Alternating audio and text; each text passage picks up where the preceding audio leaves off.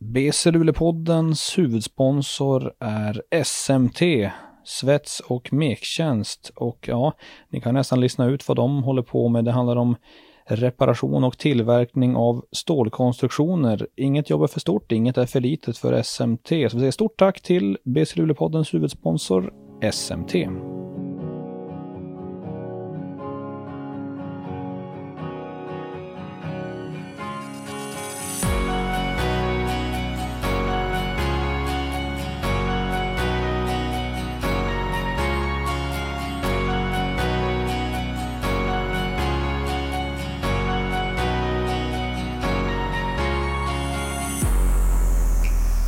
Då säger vi ja hallå där basketvänner och varmt välkomna till ett nytt avsnitt av BC Luleå-podden med mig Max Wik och idag har jag med mig dessutom Eduardo Carasana vid min sida här eh, som ska hjälpa till under den här intervjun. För det är ingen vanlig podd vi gör idag utan vi har med oss eh, den legendariska tränaren, guldcoachen Brad Dean som var den som eh, startade storhetstiden i Plannja Basket kan man säga. Varmt välkommen Brad! Tack så mycket! Hur är läget med dig? Det är okej. Okay. Det har varit jobbigt år, men uh, det är okej. Okay. Okej, okay, okej. Okay. Du, eh, vad gör du nu för tiden?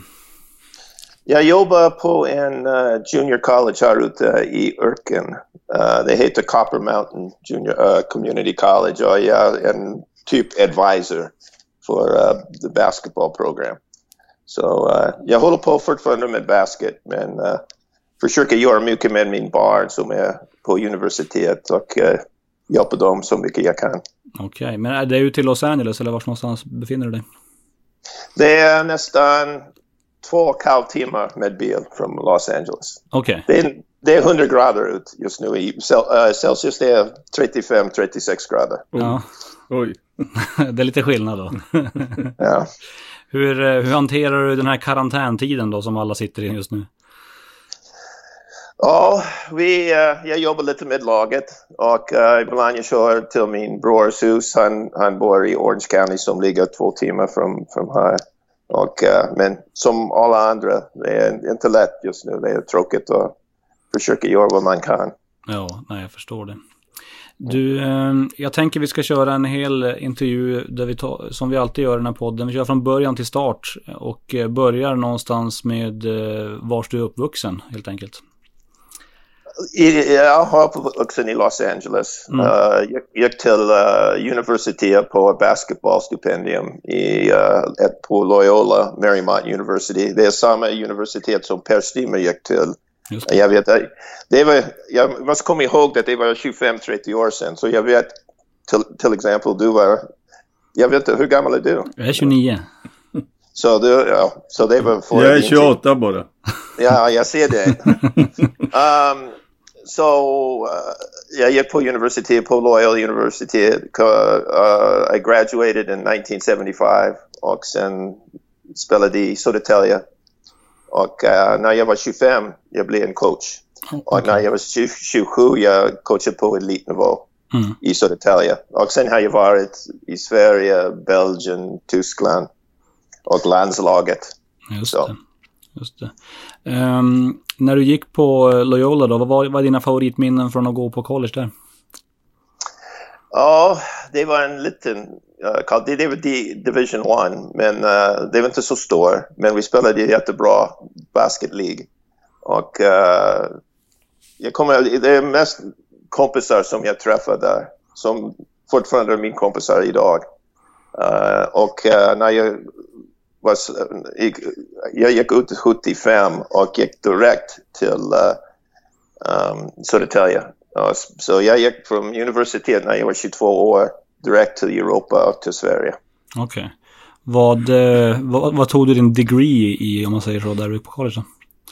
Ja, jag försökte graduate. Jag, var inte så en bra student, men jag, jag, fick min diplom på sociology. Okej. Okay. Just det. Hur, hur, gick det till när du hamnade i Södertälje och Sverige då? Vad, hur, hur gick hela den processen till? Det var en uh, coach som coachade på high school som fick jobb som en amerikan i, uh, på eh, uh, SB på den tiden. Och han frågade mig och Mike Westra som var 208 och spelade i, uh, på USC. Uh, och på den tiden man kunde ha två amerikaner på varje lag. Och han frågade om vi var intresserade. Och uh, vi gick där och jag spelade två år. Han spelade två år också i, i Södertälje. Okej. Okay. Hur var det då att komma till Sverige från USA? Vad var, var dina första minnen av det? Um, när jag kom, det var i början av augusti och jag kommer ihåg det var varmt i Sverige. Och uh, för mig det var jätteintressant därför att min, uh, min mor som, är fortfarande, som fortfarande lever, hon är 100 år nu. Hon är, har svensk föräldrar. Okay. Och hade svensk, svensk föräldrar som kom till USA runt 1910 eller någonting.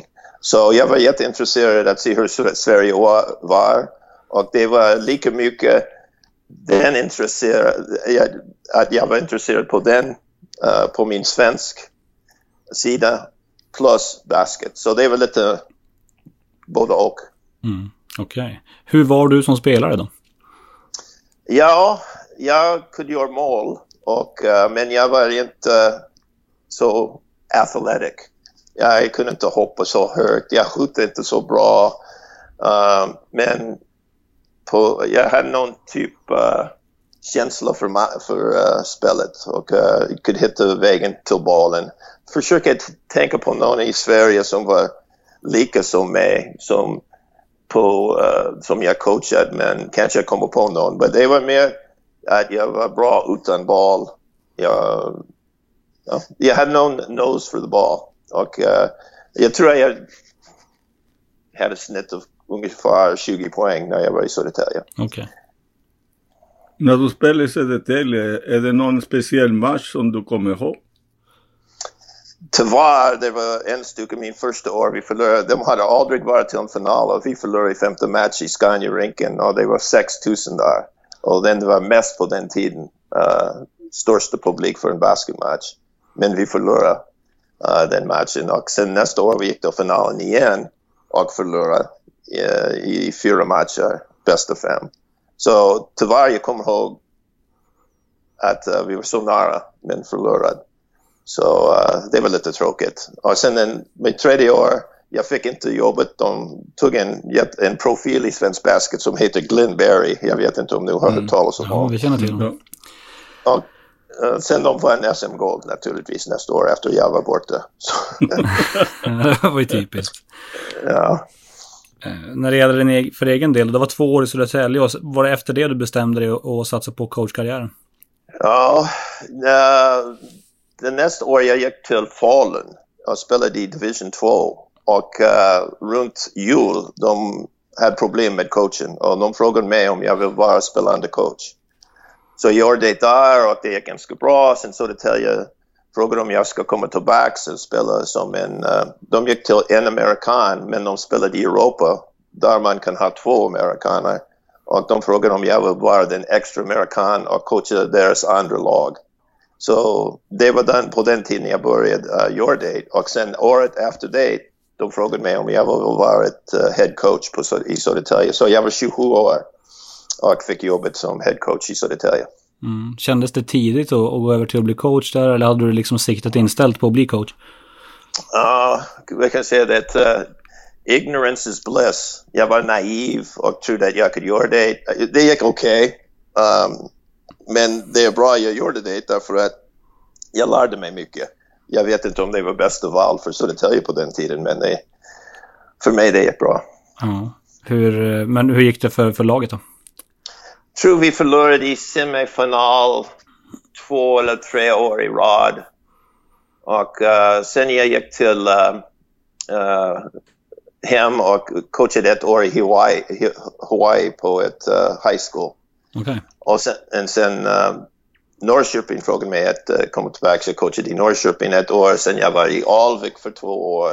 Och sen i uh, 86 så det frågade mig om jag vill komma tillbaka och kanske, jag, jag tror jag var mycket bättre coach um, efter nästan tio år och sen vi vann två SM-guld i Södertälje. Okej, okay, du har varit runt en del i Sverige ändå? Oh, ja. Vad, eh, vad är bästa minnena då från, eh, om, om vi nu sammanfattar alla de där åren, men Norr, Norrköping, Alvik, Södertälje, är det något som sticker ut där? Då? Um, well, kanske det mest viktiga är att jag var sparkad i uh, uh, Alvik sen jag fick jobb i, i Södertälje och uh, jag tror man lär mycket um, från failure. Om hur stark man är, om man kan komma tillbaka, hur intresserad man är och hur mycket man vill vara en coach. Så det, det, det låter som allting jag säger från någon negativ perspektiv men um, det, jag tror om jag hade inte de uh, erfarenhet uh, ska aldrig ha gjort vad jag gjorde i Södertälje när vi vann SM-guld. Så det, jag lärde mig mycket hela tiden. Ja, jag förstår det. Och efter Södertälje, var det då du åkte till Belgien eller hur, hur såg det ut? Ett år i Belgien. Belgien.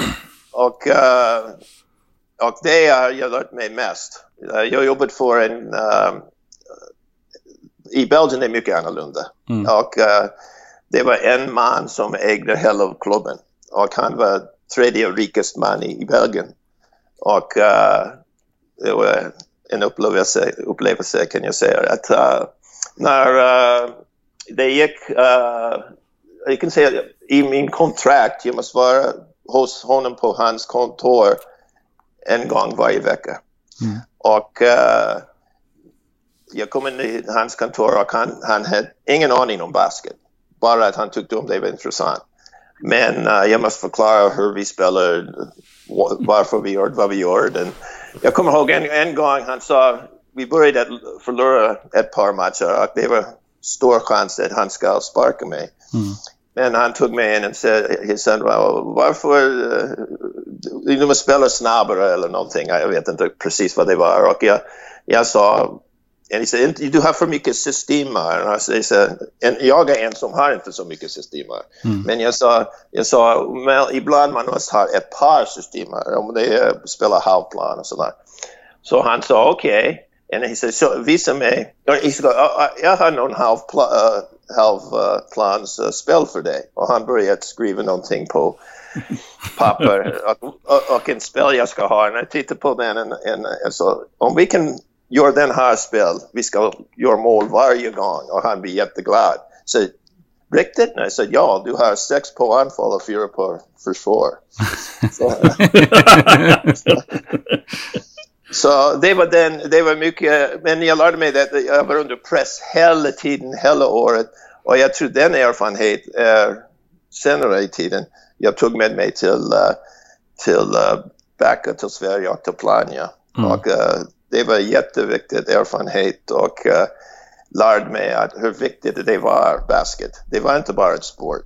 Det var inte bara jobb. Det var mycket passion och uh, man måste vara beredd att uh, tar, tar we say, sträcka ut neck, your neck, stick your neck out, stick, and, and you know, put yourself out there and, and mm. dare to do things.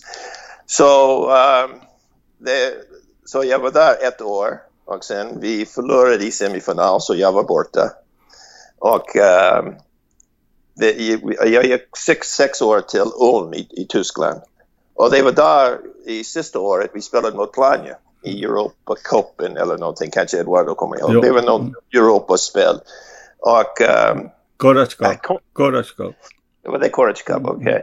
Och jag vet inte om det var där jag träffade Lasse Mosesen, jag vet inte, eller Ulf men jag kommer inte ihåg riktigt. Men det var efter det och uh, uh, de frågade mig om jag var komma till Plannja. Okej. Okay.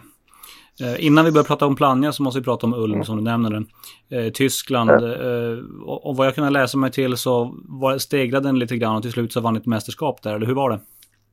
Vi vann, uh, ja, det, det är fortfarande det enda uh, mästerskap de har vunnit. Vi, vi vann uh, kuppen i, i Tyskland. Okay. Och uh, vi spelade i, Bel i uh, Berlin mot uh, Leverkusen som var den stora makt i, i tysk basket. Så det var kul. Mm. Och uh, vi gick till finalen två andra gånger och förlorade. Vilken, uh, vilken klass var det på tyska ligan på den tiden skulle du säga?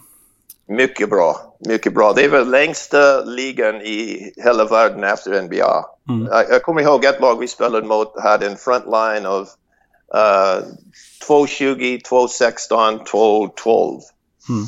Så det var mycket uh, länge spelare där och de vann Europa, de vann EM, Tyskland vann EM på den tiden i, i 90-talet med Pezic som coach. Uh, som var på den tiden, jag tror han coachar fortfarande, men han var välkänd som en, en av Europas bästa coacher och han coachade i Bundesliga i, i Tyskland också. I, uh, så vi, uh, de, de hade en jättehög standard där.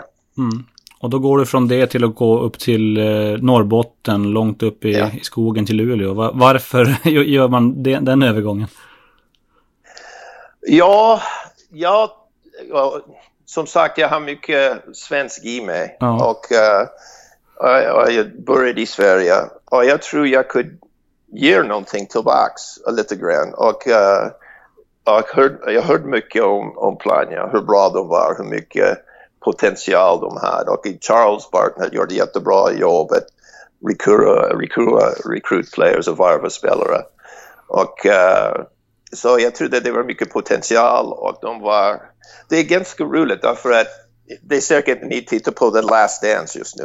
Absolut. Eller hur? Mm. De, och det var 90-talet och man kan nästan jämföra nu när jag tänker på det. Jag, tänk, jag har ingen aning hur det gick i, i Chicago på den tiden. Men de hade Michael Jordan och Planya hade Eric Elliott. De gick till semifinal. Chicago Bulls gick till semifinal. Uh, conference finals. Och, men aldrig gick till final. Och de hade bästa spelare i USA. Planya hade bästa spelare i, uh, i Sverige. Mm. Så det, det, var, och det, var, men det var många som vill göra mer. Vi hade en, you know, Dennis Olander och jag vet inte om säkert folk kommer ihåg Dennis Olander och Håkan Larsson är fortfarande där. Och Jan uh, Petersen, John, Jan, John Petersen på den tiden, det är Rosendal nu tror jag. Exakt. Så då en uh, Jens Tillman kom, så vi hade många unga lovande spelare som var på gränsen att break out.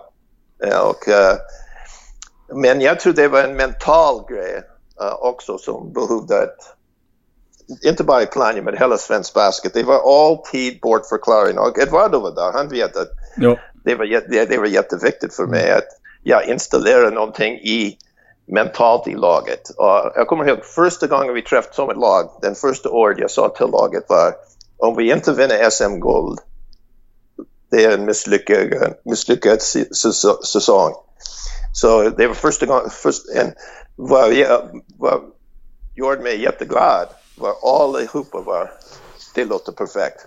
De, mm. vill, de, de var beredda att, att uh, satsa på det. Och det var inte bara laget, det var till exempel Eduardo och Kjell Englund och Ulf Orman och Lassie Mosesen. Det var Robban. Robban. Robban. det var allihopa väl de var beredda, de var trötta att, att komma så nära. Men, men i Plannja, de hade en, jag tror den mentalt var kanske extra viktigt i Plannja och i Luleå.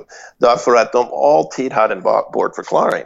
Det var för långt, det var inte för långt, det var för långt, det var mörkt och kallt och det går inte att vinna där uppe, det är för jobbigt och sådär. Det var mycket som, uh, jag sa till dem, ingen bortförklaring. Och året, jag tror det var året före jag kom, att uh, Luleå Hockey vann SM-guld. Ja, just det. Så jag sa till dem, de kan göra det, varför kan inte vi göra det?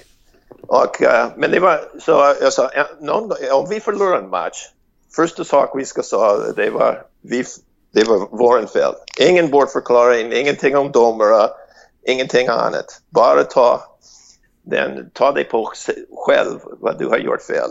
Och uh, de gjorde det hela säsongen och jag tror det var jätteviktigt. Mm. Och också på hur vi spelade. Vi spelade, när jag kom här, jag sa till Erik, först jag sa Erik, du, är, du har bollen hela tiden, du skjuter mest, du, och han gjorde det jättebra. Men jag sa, om vi vill en SM-guld, jag behöver ändra saker. Så jag, jag hade Håkan Larsson som var snabbaste spelare i hela Sverige. Jag sa, nu Håkan, du är point guard. Och jag sa, Erik, du springer ut, Håkan får första pass. Och Eric på, på open court var uh, unstoppable. Så uh, jag tror det var mycket bättre för oss. Och, uh, och Håkan kunde spela försvar. Och jag sa, jag gjorde att Dennis var, jag trodde att Dennis var mycket emotional men behövde att stabilisera sig lite grann mm. och ta, ta mer ansvar. Så jag sa till Erik, Erik du är inte kapten längre, Dennis Olander är kapten. Mm. Och uh, jag vet inte om Erik var glad när vi började. Men jag tror han var glad på slutet av säsongen. Ja, för han gick från att kanske snitta 27-28 poäng där till att sjunka lite grann i sin produktion och, och när istället hela laget blev bättre va? Ja, mer, mer jag ska säga mer kvalitet, ja, just quantity. Ja. Vad, eh, det finns ju hur mycket som helst att prata om när det gäller den här första säsongen. Men en match som man tänker på är naturligtvis mot Alvik i Delfinen. Eh, vändningen ja. där. Eh, berätta lite hur du upplevde hela den matchen. Ja, det, det, det var femte matchen i Delfinen och jag vet inte hur många folk var där, mycket folk. Och uh, vad var intressant, vi var ner med tio minuter kvar, vi ner, jag vet inte, det var 20, 22? 23. 23. 23. Och uh, det såg ut, det var nästan så allihopa tänkte att oh, här vi, vi gör det samma sak igen. Flores, det var semifinalmatch.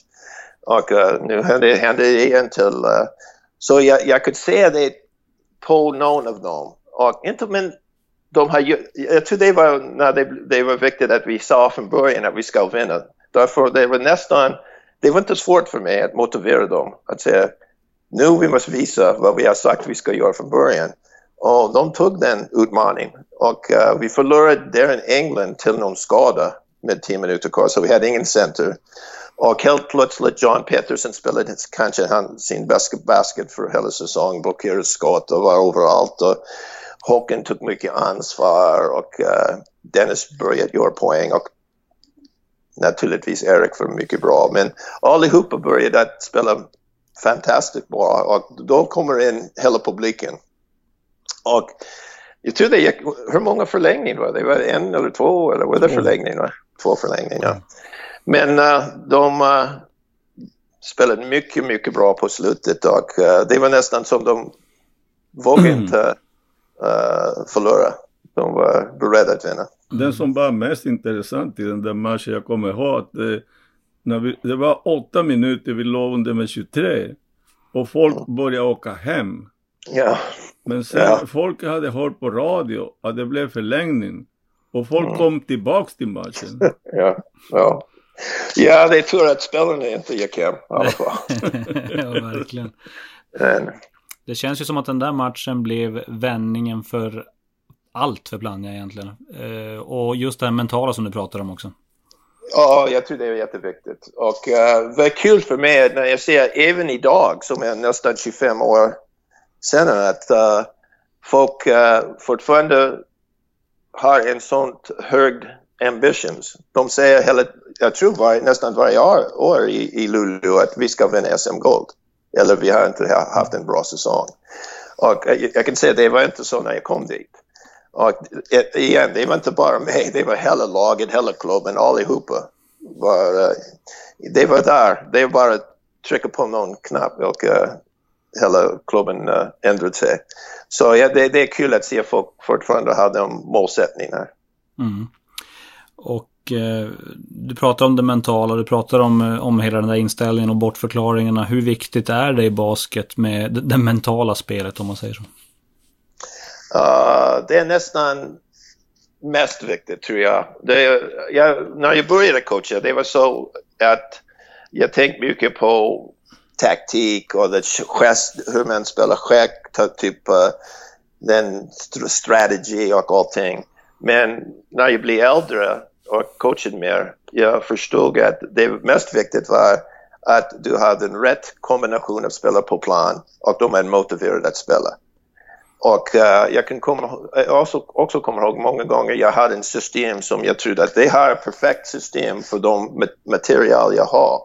Men jag kunde se att de köpte inte den. Och uh, förut, jag var mycket envis och försökte, nu måste göra det, du måste göra det. Men när jag blev äldre, jag sa okej, okay, bort med det, ta någonting nytt in. Och, um, men också jag tror folk i, i Luleå och sen jag coachade i, i andra ställen också, att, att spela med, med, uh, med fart är jätteviktigt. mm. för spelare mentalt. Och så jag försöker recruit, uh, recruit players och bygga ett typprogram som, som är uh, byggt runt att spela snabbt uppspel mm. och ag aggressiv försvar. Och det ser vi fortfarande i, i BC Luleå idag. Det är, det är kul. Jag mm. tycker det är, det är bra. Och, uh, det är deras identitet. Och uh, också det var på den tiden i 90-talet uh, i NBA till exempel att folk trodde att, well, det var kanske till 80-talet till Lakers att man trodde att att vinna, du måste ha en halvplansspel och det är sant, du måste ha det. Men du kan vinna med ett springande lag. Du kan vinna mästerskap med ett springande lag. Och det började ändra sig lite i 80-talet med, med uh, the Lakers med Magic Johnson och då, den, de spelar. Men uh, detsamma i Europa. Och uh, man måste ha en stor kille som man måste gå inside hela tiden med bollen och man måste göra det ibland. Men man kan bygga en vinnande koncept med en springande lag. Mm, absolut. Eh, om vi fortsätter då efter Alvik-matchen och bragden där. Det var det final som väntade mot M7 Borås. Eh, ni måste gå till med en ganska skön känsla i den finalserien. Ja, man, det var lite, lite farligt därför att det var så mycket uh, emotion i, i semifinalen. Och, uh, men ibland, eh, I mean igen, det var allihopa var fokuserade att vinna SM-guld. Och uh, det var första finalen Plannja har varit i den, den, den, den året, tror jag. Jag tror att de har inte varit på någon final. Och uh, den chansen vi ska inte släppa. Och jag har allihopa tänkt på samma sätt. Eh, uh, Borås var lite grann en överraskning att vara i final. De trodde att det var, skulle vara Södertälje, jag tror, på den tiden. Så uh, jag vet inte om de var riktigt trodde att de kunde vinna. Uh, jag är inte säker att de trodde det. Och, uh, men vi spelade mycket bra. Vi hade en match som de var bättre än oss. Men ja, vi dominerade, tror jag, tycker jag, uh, den finalen, serien, hela finalen. Mm. Hur minns du känslorna där då när ni, fick, när ni blev krönta svenska mästare nere i Boråshallen och fick vinna och, och känslorna då? Ja, det var... För mig, det är samma... Uh, jag tror för många coacher, när man kommer till den målsättning man har, har haft från början, att det blir lite, lite grann som relief. Mm. Det var bara relief.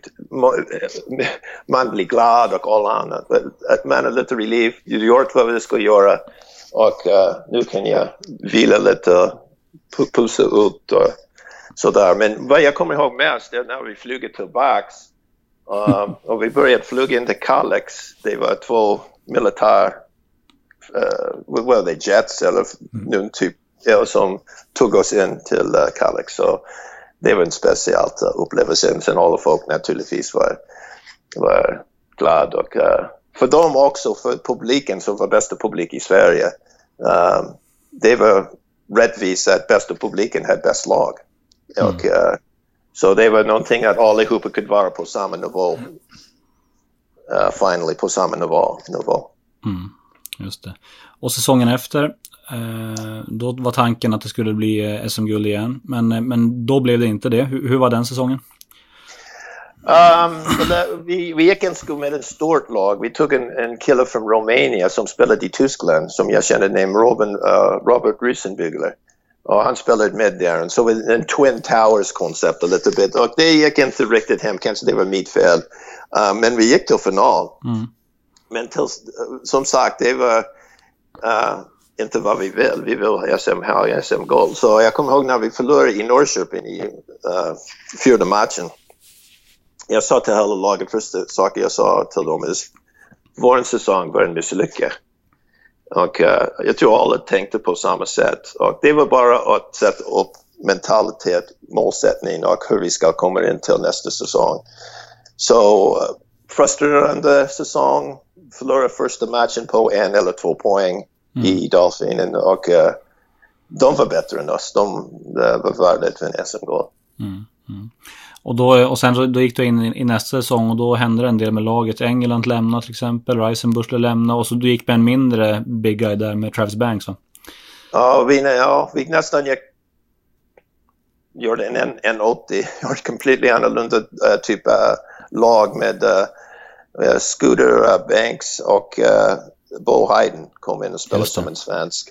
Och uh, spelade med mycket fart, uh, mycket spacing. Uh, i, men kul lag, kul lag att titta på. Um, och spelade... Vad jag kommer ihåg med den åren att vi kom till um, slutspelet och vann ganska lätt. Jag tror mot Sundsvall, tror det var i, i kvartsfinal. Men vi spelade samma uh, tid på NEBL uh, som de för, försöker att sätta igång. Och uh, Eric, på början av, det gick, vi började i, i NEBL. Det var någon liga. Vet ni vad det var? Kommer ihåg den? NEBL? Ja, ja absolut. Mm. Ja, det var med Litauen och Est Estland och Lettland och, Finland. och Sverige. Uh, ja, fin Finland också. Mm. Så vi, vi, uh, vi började den ligan samtidigt i, jag tror det var januari, vi började spela kanske. Och uh, första, gick, första gången vi, vi spelade borta, Erik ville inte vara med. Han var inte så intresserad av det. Mm. Så han spelade i första, inte första två matcherna. Men sen när vi spelade i, um, i Luleå. I Estland? Uh -huh. När vi spelade borta? i första gången mm. menar du? Mm.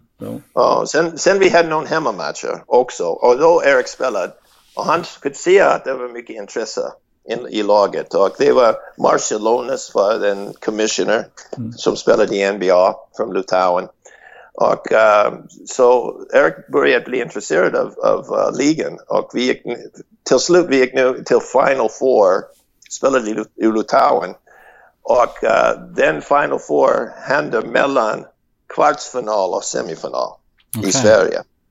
Så vi, gick, vi flög ner till Litauen och vi, um, vi, tror, vi förlorade i semifinalen men vann tredje priset. Jag, tror det, jag kommer inte ihåg mm. kanske Eduardo kommer ihåg. Ja. Men Eric på den tiden var helt in, in i uh, NEBL mm. och vann uh, MVP av uh, ligan. Mm. Och sen efter det, det blev Uh, tror det nästa år han gick till Litauen. Jag, det Litauen, jag kommer inte ihåg vad, mm. vad hände. Men, men vad var intressant, ja, vi gick tillbaks efter två, en dag tror jag, vi började semifinal mot Södertälje, mm. som var den största hot mot oss. Och den, det gick fem matcher, och de fem matcher var Eriks värsta fem matcher som i Plannja. Om du gick tillbaka och tittade på statistik jag, när jag säger det, han var så trött. Mm. Han har ingen ben och jag tror han snittade 10 poäng, maybe, mm. kanske. Mm. Och uh, kunde inte sätta skott. You know, han gick, gett allt till NBL. Så uh, han var inte bra i semifinal. Vi vann tror hemmamatcher med en poäng, två poäng och en poäng. Förlorade i Södertälje med 20 två gånger. Så vi hade ganska mycket tur att komma igenom det. Och det var svenska spelarna och, och, och uh, Scooter som uh, Bo Hayden som tog laget uh, till finalen. Och uh, Erik hjälpte inte så mycket på den uh, semifinal, men han var jätte, jättebra och outstanding i finalen. Mm. Det var final mot eh, 08 Alvik Stockholm där va? Ja, det var Just det. det. Och, och en av de bästa matcherna som jag har varit med dem i Sverige var den andra matchen i Stockholm. Jag tror det var tre förlängning som vi vann i, i mm. Avik. En fantastisk match. Just det. Hur, hur var finalserien i stort då? Var det, var det en enkel resa för oss förutom den matchen då, eller hur var det? Jag tror att efter vi kom, efter vi vann mot Södertälje, det var det var short. Ja. Jag tror att vi, vi, vi, vi, hade, vi, hade, vi hade självförtroende, vi vann, jag tror vi hade tre dagar, fyra dagar fri. Jag kommer inte ihåg precis, men mm. uh, Eric vilade så han var mycket bättre och han hade vilat upp sig. Så. Mm. Och då fick ni vinna ett första SM-guld på hemmaplan också och, och, publiken som du pratar om fick se, se det hela så att säga. Ja. 7000. Ja, ja, det var... Ja. ja. Det, ja, jag vill hälsa allihopa, de som kommer ihåg mig. Jag vet att det är många som är, hade aldrig sett mig förut, men alla de som var inblandade med det, det var kul. Det var superfantastiskt. Ja. Om, om du tänker tillbaks på, på åren i Plannja och sådär. Eh, Eric Elliot, hur rankar du honom? Hur bra var han? Hur rankar du honom på din lista över de bästa spelarna du har coachat? Ja, han var mycket, han var där uppe någonstans för säkert. Han, uh, han var så stabil. Han, han, uh, det var fantastiskt med Erik, han var i bal balance hela tiden. Och uh, you know, han hade en liten ego, men man behöver det om man är en bra spelare. Och så jag var imponerad med hans mentalitet när som sagt, han var inte glad när jag sa okej, okay, du är inte point guard längre, du är inte captain längre. och, uh, men uh, han sa inte så mycket om det och uh, gjorde det som en proffs och uh, accepterade det. Och uh, jag tror hans kvalitet på den tiden när Håkan var point guard var den som ett par. Erik var en combo guard och Håkan var en pure point guard. Så de var en, en fantastisk ihop och mm. Dennis, på, Dennis på andra sidan. Så, men han var superduktig. Jag har tur eh, och vad är viktigt för mig att jag har bra point guards. Och jag hade många, många bra point guards. Mm. Och uh, det var fantastiskt bra. Mm. Tre säsonger i Plannja blev det väl. Mm. Eh, sen valde du att lämna. Hur, hur gick tankarna där? Ja, jag trodde att jag gjorde vad jag kunde göra och uh, jag ska säga hur bra det var uppe i Plannja. Jag var gift när jag var i Plannja. Jag hade min första barn uppe i, upp i Piteå. Hon var född i Piteå. Så det var en tid på mitt liv som var på många sätt var jättebra. Men tänkte att uh, hela familjen, min fru och jag, vi pratade om det. Vi, vi hade en chans att gå till Belgien. Mm. Uh, de, de hade frågat mig innan det. Um, så vi tog den chansen. Mm. Och uh, hur, oh, ja. hur blev det då? Um, det var en konstigt år. Uh, det var i Alst och jag var där ett år. Men det blev så, vad ska jag säga, det var en kille som tog över laget efter två månader som var, uh, yeah, helt, han var en kriminal. Okay. Han fuskade med pengar. Det var, det var inte bra. Och uh, jag hade i, min kontrakt om vi kommer i topp 6, det var 14 lag i, i toppliga. Uh, om vi kommer i topp 6 automatiskt så jag fick en, ett år till. Och vi kom på andra, vi, vi kom på tredje plats men ärligt talat vi kom på första plats men förlorade två matcher därför att han betalade inte sin avgift till uh, ligan. Okay. Så uh, vi slutade på tredje plats och uh, jag sa nej, det, det räcker nu. Det, man tar lån en gång till banken och så det finns inte pengar där, betala det. Så det var inte... Det var inte och Darren spelade för mig där, där också. I, okay. uh, Darren England spelade för mig första året där i, i uh, Alst. Okay. Så det, det, blir bara ett år. Mm. Men du har kommit tillbaka till Alst senare i karriären? Ja, jag gick till, uh, uh, till Sverige. Vi hade en lägenhet som vi köpte i Stockholm. Och uh, jag coachade i Braunschweig i Tyskland, men samma sak, de hade uh, financial problems. Gick tillbaka i mitt i säsongen, de sa att det blir bankrupt. Så flög tillbaka till Sverige och sen Hagen i uh, Tyskland frågade mig också i uh, Bundesliga mm. att komma och spela samma säsong. Så jag slutade säsongen med med uh, dem och uh, coachade igen nästa år. Och det var den, på den tiden att i Alst, de gick through, de sparkade bort en kille. Och jag tyckte om Alst. Min fru och jag, vi, vi tyckte Alst var en jättefin stad. Vi tyckte om folk i Belgien och i, i klubben. Mm. Och så de frågade mig att komma tillbaka när de har en helt ny management.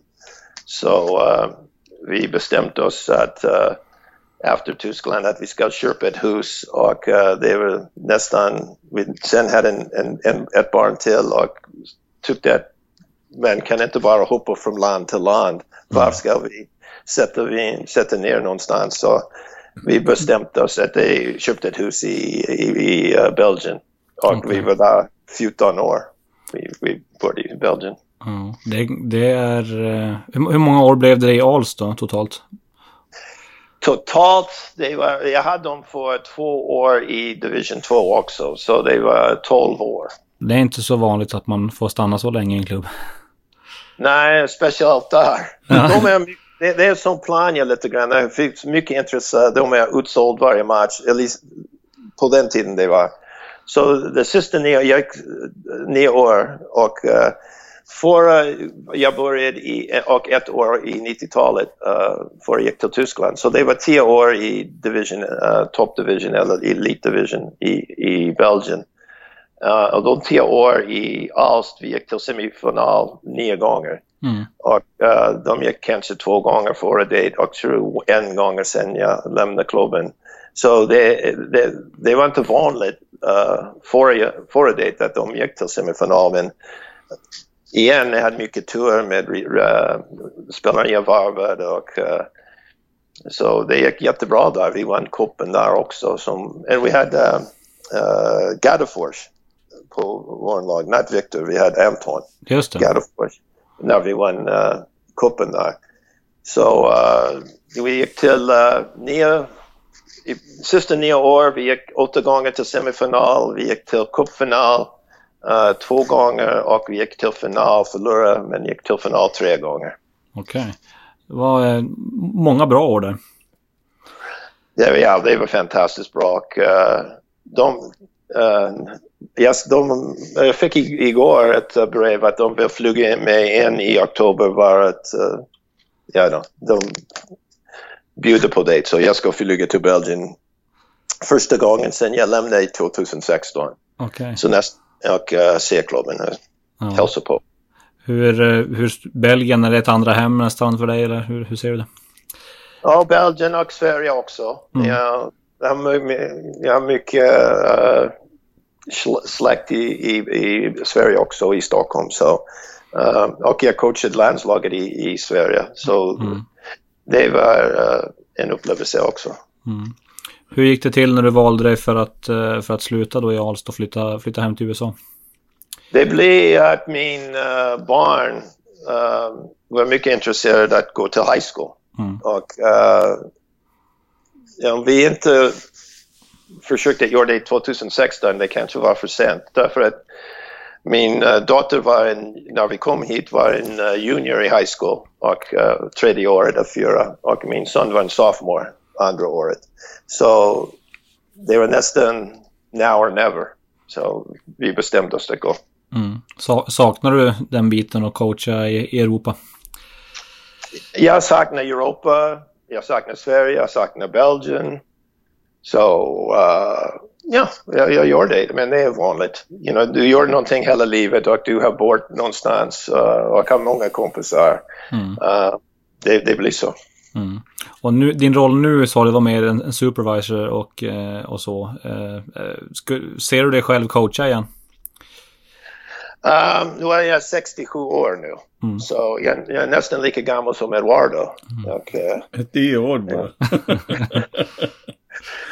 um, men jag känner mig bra, men det måste vara rätt situation. Jag ska inte bara hoppa in på någonting. Jag kan tänka mig att jag... Jag ser att Charles var co coachad. Exakt. Uh, han, men det är inte så, jag måste göra det, det är inte så. Mm. Uh, uh, jag vet inte om det, ärligt talat, jag vet inte hur bra det ska gå. Jag var borta från banken i alla fall som huvudansvaret för, för fyra år nu. Så jag vet inte. But, uh, just nu jag försöker fokusera på barnen. Ja, jag förstår det. Eh, vi måste ju prata också om, du nämnde det själv när du blev förbundskapten för svenska ja. landslaget också. Eh, ja. Hur gick det till när, eh, när du blev det? De uh, tittade efter en coach och jag uh, satte in min uh, resumé och uh, de, vill, de gick ner till, jag vet inte, tre, tre kandidat, candidates och uh, jag känner ganska bra Jonte Karlsson. Jag coachade Jonte. Jag har spelat med eh, Jonte i, i 70-talet. Sen coachade honom när jag var coach i Södertälje. Så jag kände honom ganska väl och han kände mig. Och uh, så kanske det var någonting som hjälpte till, uh, jag kan tänka mig. Um, och uh, till slut de sa att uh, jag fick jobbet. Mm. Mm. Och hur var den upplevelsen? Speciellt. Um, 2009 tror jag fick jobbet och det var på sommartiden. Um, så jag coachade nio månader, tio månader med, med Alst och sen tre månader med, med landslaget. Och um, jag tänkte att uh, när jag fick över första, första gången första året jag hade uh, laget, uh, Jonas Jerebko spelade med laget. Och, jag, uh, och jag kan säga att Jonte Karlsson gjorde en fantastisk jobb att, att han blev med laget därför att folk förstår inte hur svårt det är med alla reglerna för, för NBA-spelare. Speciellt för en, en liten land.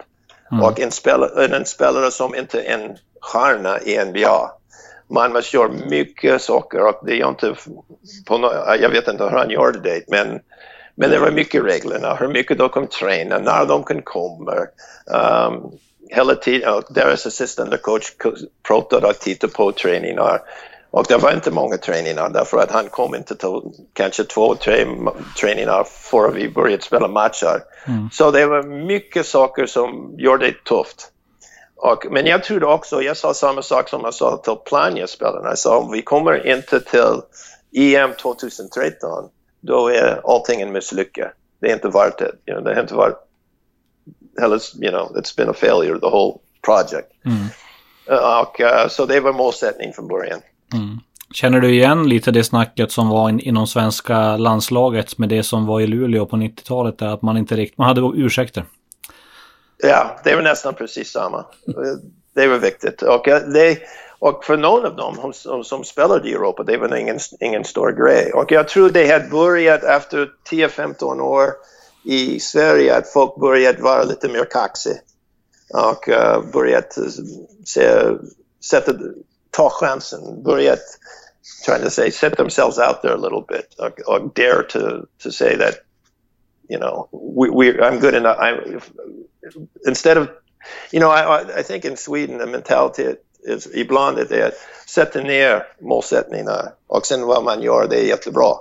Jag vill att sätta där hårt, hårt upp och försöka komma så nära som man kan och uh, challenge yourself. Och jag tror det är många i Sverige har börjat att titta på, på basket och deras mentalitet lite annorlunda. Så det var inte lika svårt, ja, det var inte svårt i Plannja heller, de var beredda för det. Men eh, det hade ändrat sig lite i svensk basket tycker jag, mentalitet. Ja, eh, ni tog er till, till EM 2013 där. Eh, ja. Och du fick även med Jeffrey Taylor då och Jonas Jerebko eh, till den resan. Oh, well, eh, jag, blir, eh, eh, jag, jag skickat ett brev eller en e-mail till er pappa en gång om det, kanske ett år sedan. Jag blir lite frustrerad av hur mycket kritik uh, Jeff och Jonas får. Därför att, um, och jag tror i svensk basket, we should protect uh, våra stars. Speciellt när de, det är overkill. Och uh, med Jonas och Jeff, de var kaxiga helt klart de var kaxig, men det är därför man måste vara kaxig att komma till NBA om man kommer från Sverige. Och uh, om, man, om de som i pressen gjort deras jobb som, de, som jag tycker att de skulle gjort på den tiden, de ska va, gå och titta på andra laget och de som gör mer och ser hur deras stjärnor reagerar. De hade egen, andra i andra lagen, i andra länder, de som var från NBA hade egen rum ska inte äta med laget. Om de vill se vad en diva riktigt är, de ska, skulle prata med andra laget. Mm. Uh, så, I mean, Jeff och Jonas de var med laget hela tiden. De gjorde vad vi frågade dem att de ska göra. Och uh, det var ingen, ingen stor problem med dem.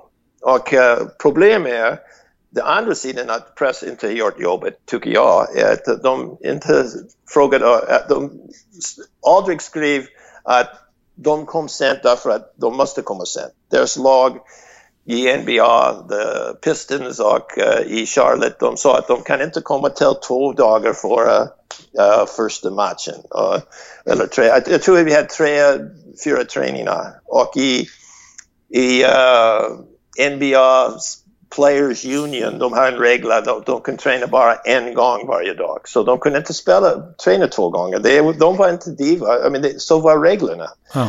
Så, så, men allting var mot dem och uh, det, it was a hit job uh, på dem. Och uh, ja, jag blev frustrerad när jag läste det på dem. De var inte perfekt, men de var inte I mean, good guys, Mm. decent guys. That, uh, och eh, vad jag synd är, jag tror att det är därför de har inte spelat med Sverige. Det är min, jag, jag har inte pratat med dem, jag vet inte vad de tänker. Men som jag ser det, de fick så mycket skit att de till slut sa, det är inte värt det. Jag tror, jag tror det är fel. Jag, när man kan representera land, man, jag tycker man ska göra det. Och uh, jag tror att de skulle, de vill inte prata med pressen i Slovenien. Och jag tyckte, tyckte att det var fel också. Men samtidigt, de var båda, båda vuxna män som måste bestämma själv. Och uh, jag tror det var fel, men jag förstår varför de gjorde det. Mm.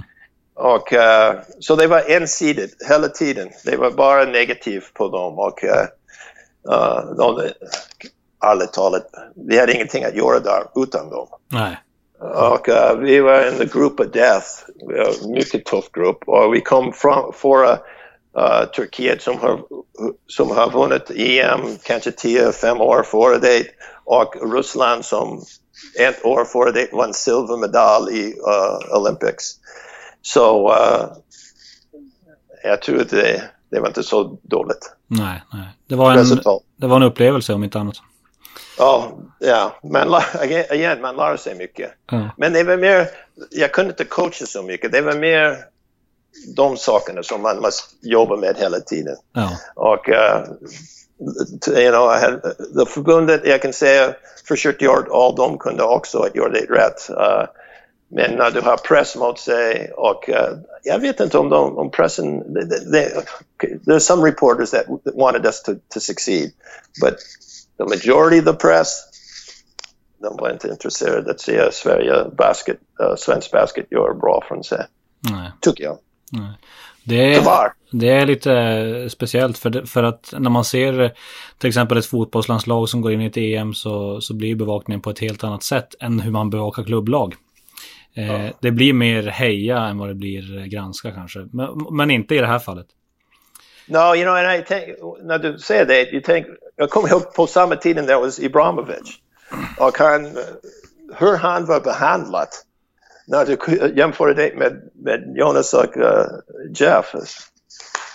You know, of course, jag vet det är en annan nivå och allting, jag, jag förstår det, men uh, han kunde göra nästan precis vad han vill och det var ingen, det var negativ press ibland om honom också, men mycket bra press. Mm. Det var lite balanserat och uh, ja, ja, ja, jag- som du säger, det är nästan svårt att få mig att prata om det. Jag blir lite frustrerad när jag pratar om det. Jag Ja. tror det. Jag förstår det. Eh, om, vi, om vi säger så här då, när det gäller Plannja, håller du kontakt med folk fortfarande? Eduardo uppenbarligen? Um, jag hör ibland från Eduardo och uh, jag uh, läser Moses och Kjell. Jag fick någonting från Dennis Olander. Så ibland det finns folk som... Uh, men uh, inte mycket. Inte Mm. mycket. Nej. Har du, ser du dig komma upp till Luleå någon gång igen? Kan hända. Det kan hända. Vi får se. Um, vi får se vad händer i, i framtiden. Men uh, jag vet inte. Nej. När det gäller Sverige då, när var du senast här?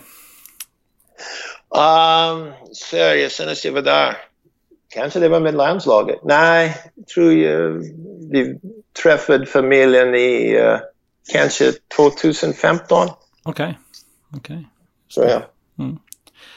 Eh, Brad, det har varit jättetrevligt att ha med dig. I podden. ja. Tack. Har, Det- har du något, eh, någonting som du känner att vi inte har, eh, har pratat om eller något du skulle vilja säga? Nej, jag just hoppas det går bra för Lulu Basket. Jag tror det är viktigt för, för svensk basket. Det går bra där uppe. Ja, jag, jag vill säga det här att uh, Lasse Mosesen är en speciell... Uh, de har tur att han är där. Han, säger, han är inte den som tar upp så mycket space. You know, han, han har lån, håller sig på en låg uh, profil men uh, han gör jättebra jobb och uh, jag är säker att han fortfarande gör det. Så, uh, jag är glad att han är där. Jag är glad att... Uh, uh, en sak som jag ska säga. Den lagen som jag coachade i 90, i 97, första SM-guld. Mm. Hur många spelare har varit coach från den laget? Det är otroligt. Mm. Det är nästan hela laget har varit coacher. Lasse Johansson som jag inte pratat om och som kom in från gjorde nästan ingenting och hjälpte så jättemycket varit en, en head coach och Jens Tillman har varit en coach och Jim Emboom har varit en coach och Håkan och Dennis och Eric Elliott och även där i England. Så du kan gå nästan genom hela laget och de har blivit coacher. Kanske de uh, försökte att uh, kanske det var motiverande för dem. De kan se hur, hur, hur roligt det kan vara att vinna och vill vara coachar. Mm. Det tror jag absolut. Det, tror jag absolut. Mm. Följer, du, följer du mycket svensk basket fortfarande?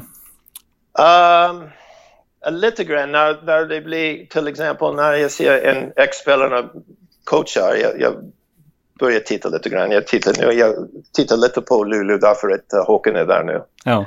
Och uh, tycker det är jättekul att han, han börjat vara ibland i coaching. Så jag, you know, Dennis var där för a while, Jens coachade där uppe. Så när, när jag, jag tror att jag skickade någon typ, uh, när Jens var en SM-guld jag skickade någonting till laget. Och Just när, och med, och när de vann SM-guld med, jag vet inte vad de heter på den tiden, LF Basket och Lulu Basket eller vad de var, men jag, jag skickade någon, någonting där. Så jag, jag följer efter och hoppas att det går bra för dem. Ja, roligt. Du, mm. tack så jättemycket. Du får uh, ta hand om dig.